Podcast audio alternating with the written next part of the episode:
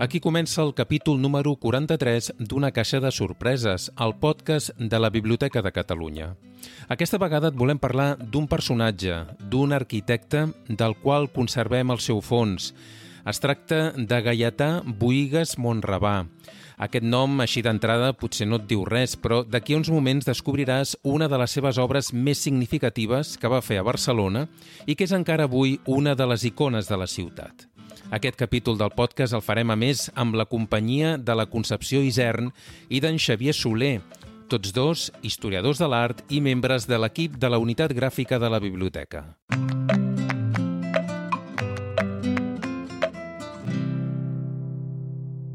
Una caixa de sorpreses, el podcast de la Biblioteca de Catalunya.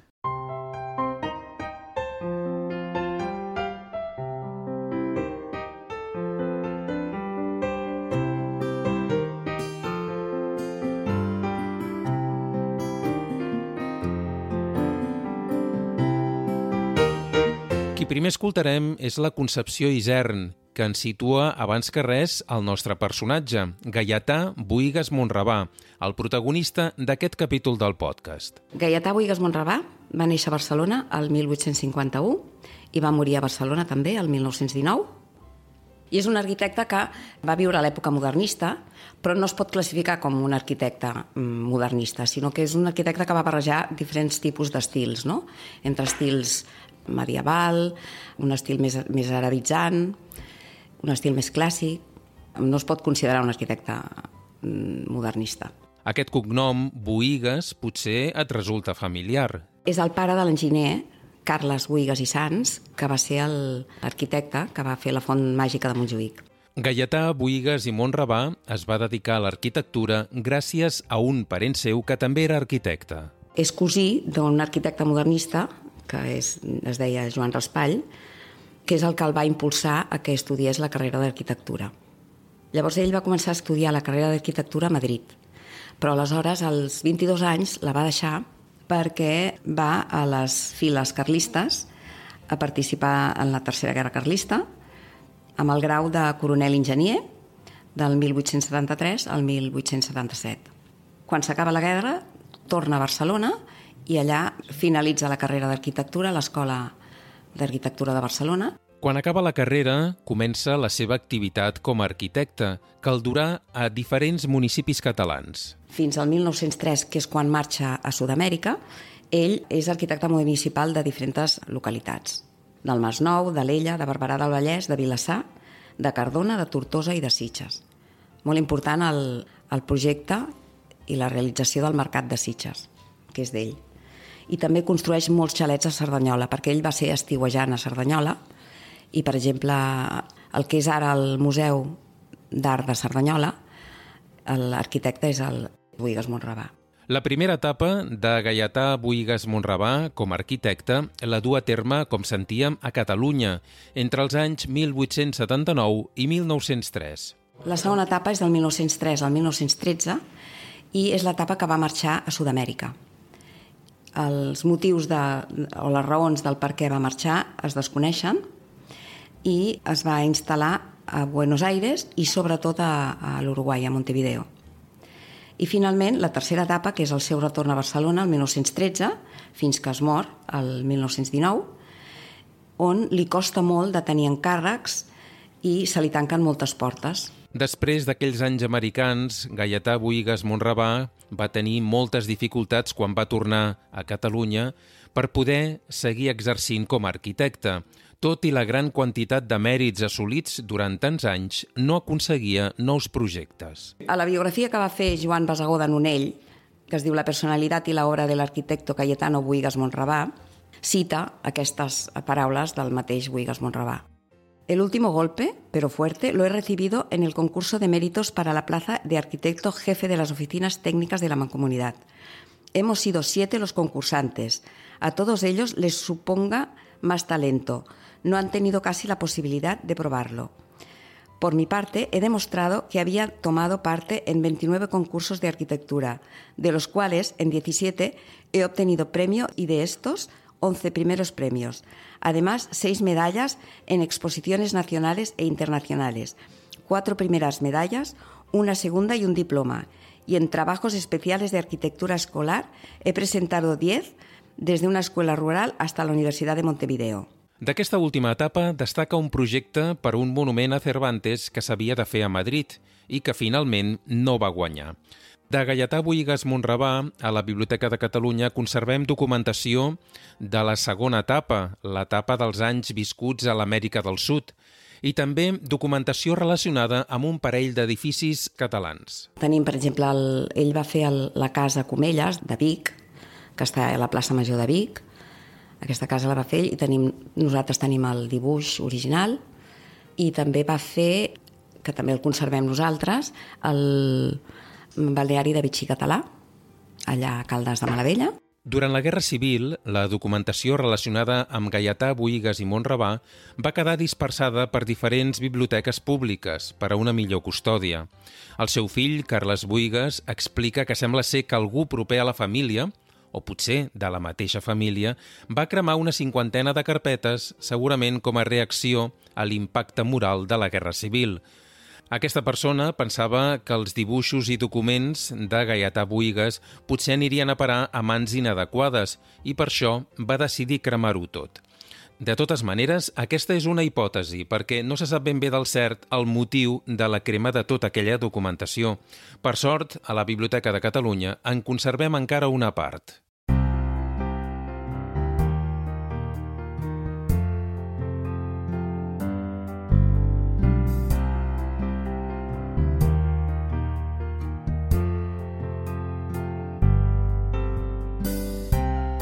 La Concepció Isern ens parla dels referents que va tenir Gaietà Boigas. Ell va tenir com a mestre Elia Rogent i per tant també va tenir influència de la seva arquitectura. També va rebre influències de Violet Leduc, amb aquest aspecte de més, un estil més medievalista, i de, sobretot també de, de Fortuny, de Maria Fortuny, l'estil més arabitzant.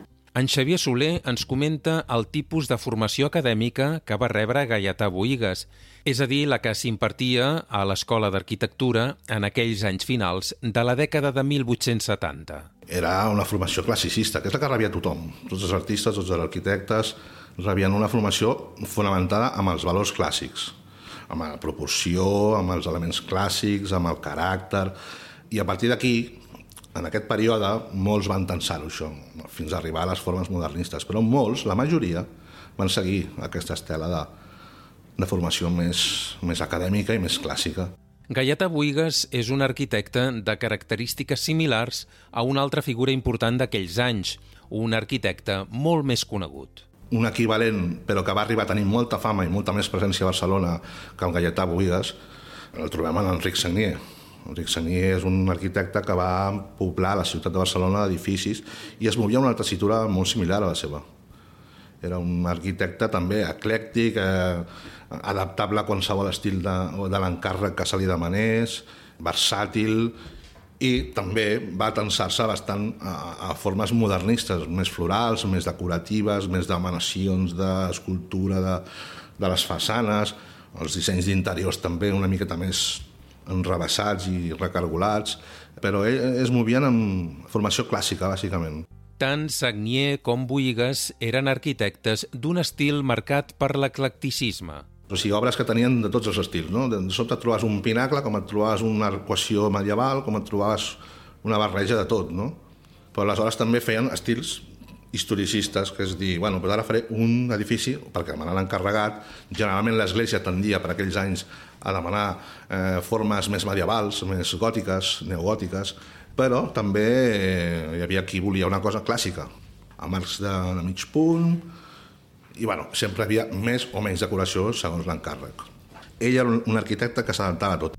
En Xavier Soler feia èmfasi en un tret característic de l'estil arquitectònic de Boigas. Una de les característiques de la seva forma de decorar els edificis és la, la hipertrofia, que li dic jo. La hipertrofia, la magnificació d'alguns elements. A vegades feia algunes coses que les feia destacar per la seva magnitud.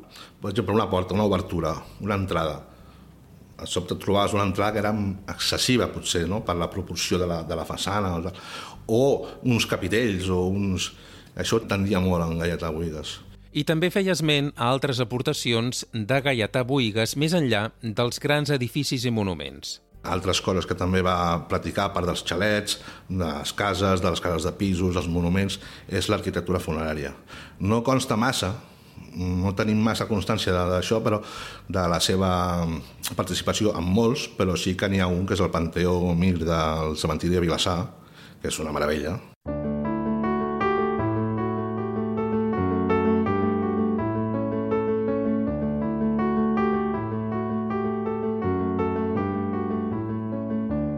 Fins ara hem parlat de Gaietà Boigues i Montrabà, hem repassat per sobre una mica la seva biografia, hem conegut el seu estil i les influències que va tenir al llarg de la seva carrera i hem fet referència també a les seves diferents etapes i al paper que va jugar com a arquitecte municipal d'algunes localitats catalanes. Però no t'hem parlat fins ara del que és segurament la seva obra més destacada, el Monument a Colom de Barcelona. I es va presentar al concurs per fer el Gran Monument de Colom, que és una icona de Barcelona, i bueno, el projecte li va portar molt de temps. Penso que va començar-lo a principis de la dècada dels 80, 81-82. Clar, és un monument d'estatuària pública que, que sobrepassa les mesures de qualsevol altre que podem trobar tant a Catalunya com a Espanya. Vull dir, és que inclús a Europa no té un parangó.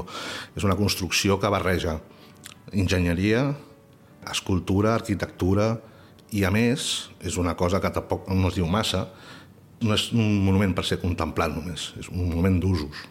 Està fet com a mirador. I això és important, un monument poc se'n trobes que l'estàtua de la llibertat als Estats Units, però digue'm algun altre més, que sigui un monument commemoratiu. I sí, sí, va ser un, una fita seva. El monument a Colom, d'uns 60 metres d'altura, està situat a la part final de les Rambles i es va inaugurar amb motiu de l'Exposició Universal de Barcelona de l'any 1888. L'obra consta d'un conjunt escultòric format per una base, una columna de ferro i una escultura del navegant Cristòfor Colom de 7 metres d'altura que assenyala el mar. La figura que corona el monument és obra de l'escultor Rafael Atxer. És un monument que barreja totes les vessants que domina un arquitecte superpolivalent. Enginyeria, escultura, de tot, urbanisme eh, addicional, i va ser una fita com a construcció d'un monument commemoratiu. La tasca va ser titànica, perquè es veu que els, la columna, per exemple, està feta amb, amb ferro colat i va ser fosa en una foneria que hi havia precisament al Raval, justament on ara mateix hi ha l'edifici de la Paloma. Hi havia una foneria i va ser una notícia que va ser reproduïda als mitjans de l'època, diaris, el transport d'aquests fragments de, de ferro colat, perquè en aquella època hauria de ser complicat, no? amb carros especials, amb troncs, va ser una, un fet excepcional. Aquesta foneria a la qual feia referència en Xavier Soler era la foneria Comas, situada al carrer del Tigre de Barcelona. El projecte inicial del monument a Colom tindrà diverses modificacions i s'anirà transformant. El projecte és seu, però després el projecte pateix modificacions o afegits de la comissió. No? Per exemple, la figura de, del Rafael Atxer que remata el monument, que és l'efigi de Colom, no? en principi estava dissenyada del tipus Rafael Casanovas, amb una bandera, eix recolzat amb ella, i no sabem si és per decisió del mateix escultor Atxer o de la comissió que li va dir no, no, no, ara faràs un senyalant cap allà. I es va fer una escultura de Colom senyalant el mar que no estava assenyalant Amèrica, estava assenyalant el, el cantó contrari, no? I llavors hi ha diverses teories que diuen que si assenyalava Gènova, si assenyalava Mallorca, si assenyalava les altres Índies a les quals potser es volia arribar per l'altre cantó. Això no, no, no es podrà saber de moment, no, no hi ha ningú que pugui aclarir de moment. Aquell important projecte va involucrar grans noms del seu temps, sobretot escultors. Les escultures de la base, és un cicle escultòric en el qual va participar, mm, no direm la majoria, però molts dels grans escultors de l'època, des del Roset Noves, el Rafael Atxer també va fer alguna cosa, en penso, el Llimona... Trobem l'antic i el nou.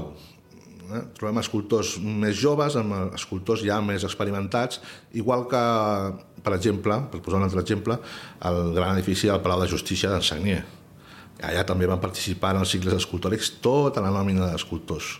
El monument a Colom té una part visible, si l'observem des de fora, però també destaca el disseny del seu interior. També és arquitectura en tant que té a l'ascensor i el mirador, però també té uns sòtans interessants amb uns espais molt curiosos, amb unes voltes, i que actualment serveixen com a botiga o com a de souvenirs o tant, per comprar les entrades pel monument. Del projecte del monument a Colom en conservem el testimoni de com va anar aquella construcció. El que sí que hi ha a dalt del mirador, que molt poca gent repara, eh, són unes plaques de bronze amb tota la informació tècnica de com es van fer els, els tubs de ferro. I és interessant perquè pesa tones i tones. Allò és un, va ser, un, va ser una, una obra molt, molt, molt important. I és una cosa que passa desapercebuda. A la Biblioteca de Catalunya no tenim els plànols del monument a Colom, però sí un altre tipus de documentació relacionada, com ara fotografies. El que sí que tenim aquí a, a la Biblioteca de Catalunya és molta documentació gràfica de l'exposició del 88. Àlbums fotogràfics, de les exposicions que es van fer i em penso que n'hi ha un que és dedicat a això, hi ha una sèrie de fotografies que es veu la vestida, com ho construïen, diferents fases de la construcció del monument. Caieta Buigas i Montrabà també va fer altres dissenys per a aquell moment històric tan important per la ciutat de Barcelona, com va ser l'exposició universal de 1888. Lligat al Monument de Colom, també va dissenyar la trama urbanística addicional al monument, no? com el passeig marítim, amb les seves balaustres, eh, les seves baranes, els seus pilastres, unes escalinates que també connectaven després amb una passarel·la que connectava amb la secció marítima del Port de Barcelona.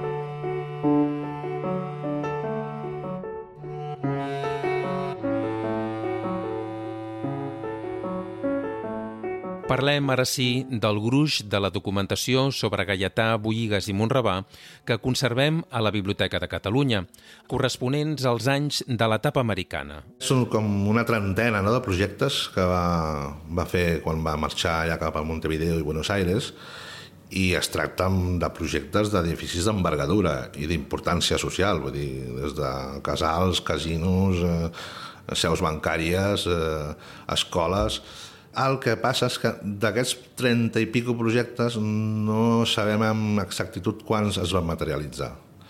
Caldria un estudi en detall in situ per poder-ho averiguar. Però podria ser, podria ser que s'haguessin fet mm, ben bé 10 o 15, jo mm, seria del més factible. Calculant que, per exemple, construcció d'un per any. És el temps que va estar en aquests dos països. L'arquitectura que Boigas va dissenyar en aquells anys americans és una mica diferent al que havia fet a Catalunya. I allà va practicar l'arquitectura que ell estava acostumat a fer aquí, una arquitectura eclèctica i potser amb menys exigències de modernitat que la que tenia potser aquí en un moment donat, però ell feia això, encàrrecs de, del tipus clàssic, eh, medievalitzant, historicista, eclèctic, si calia, no, no es complicava massa amb, amb llenguatges que tendissin al modernisme. Tampoc se li exigia allà. Potser en alguns països com Cuba podem trobar rastres d'obres més modernistes per, per part d'altres arquitectes, però precisament a Montevideo o Buenos Aires no tant, és potser una arquitectura més, més dura, més d'edificis més institucionals i més perdurables, més, més clàssics. Ara fa uns anys, la Biblioteca de Catalunya va voler ensenyar, mitjançant una mostra, aquest fons que custodiem. Vam fer una exposició del Gaietà Boigas, de justament d'aquest fons que tenim a la biblioteca. El 2011 es va fer l'exposició. En aquí l'Espai Zero de la Biblioteca de Catalunya, que fem una mica mostres de, dels donatius que anem rebent o del... fem petites mostres de, de monogràfics de, del nostre fons, vam voler una mica ensenyar aquest fons inèdit del Gaietà Boigas.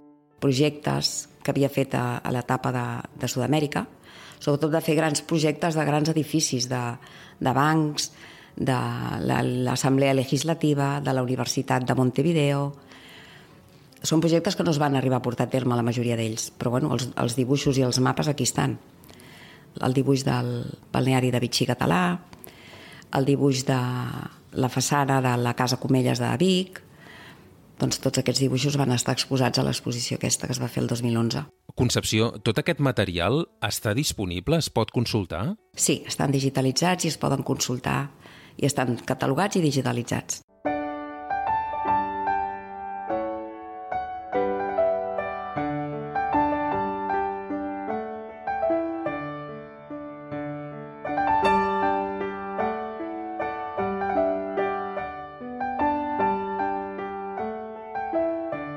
Lamentablement no, no se'n parla massa del, així com del seu fill, de la Font Màgica, tothom sap que és del Carles Buigas, que el monument a Colón és del Gaietà Buigas Montrabà, la gent no, no coneix i que a més a més va estar molt involucrat amb, la, amb tota l'exposició del 1888.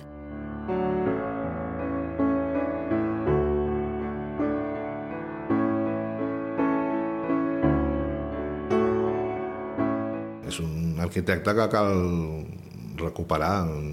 Tenint la informació que tenim i, i el bagatge historiogràfic curt, curt però molt, molt, molt encertat, seria possible fer una, una revisió de tot i una monografia que, que acotés més i que el posés més a lloc i que el reivindiqués.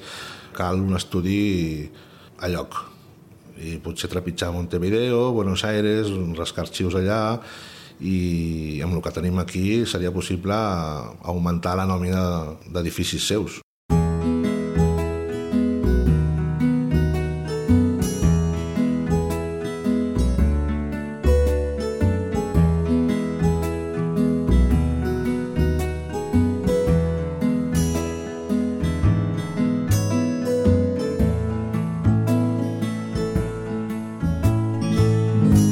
Fins aquí el capítol número 43 d'Una caixa de sorpreses, el podcast de la Biblioteca de Catalunya, on avui t'hem volgut descobrir la figura d'un arquitecte força desconegut com va ser Gaietà Boigas i Monrabà, de qui conservem el seu fons a la biblioteca. Si vols ampliar el que ens han explicat tant la Concepció Isern com en Xavier Soler, de la unitat gràfica, trobaràs un seguit d'enllaços a la pàgina web del podcast. Anota't l'adreça bnc.cat barra podcast i sàpigues també que ens pots escriure per comentar o preguntar qualsevol cosa relacionada amb el podcast a través del nostre correu electrònic que és podcast arroba bnc.cat. Moltes gràcies per haver arribat fins aquí i fins al pròxim podcast.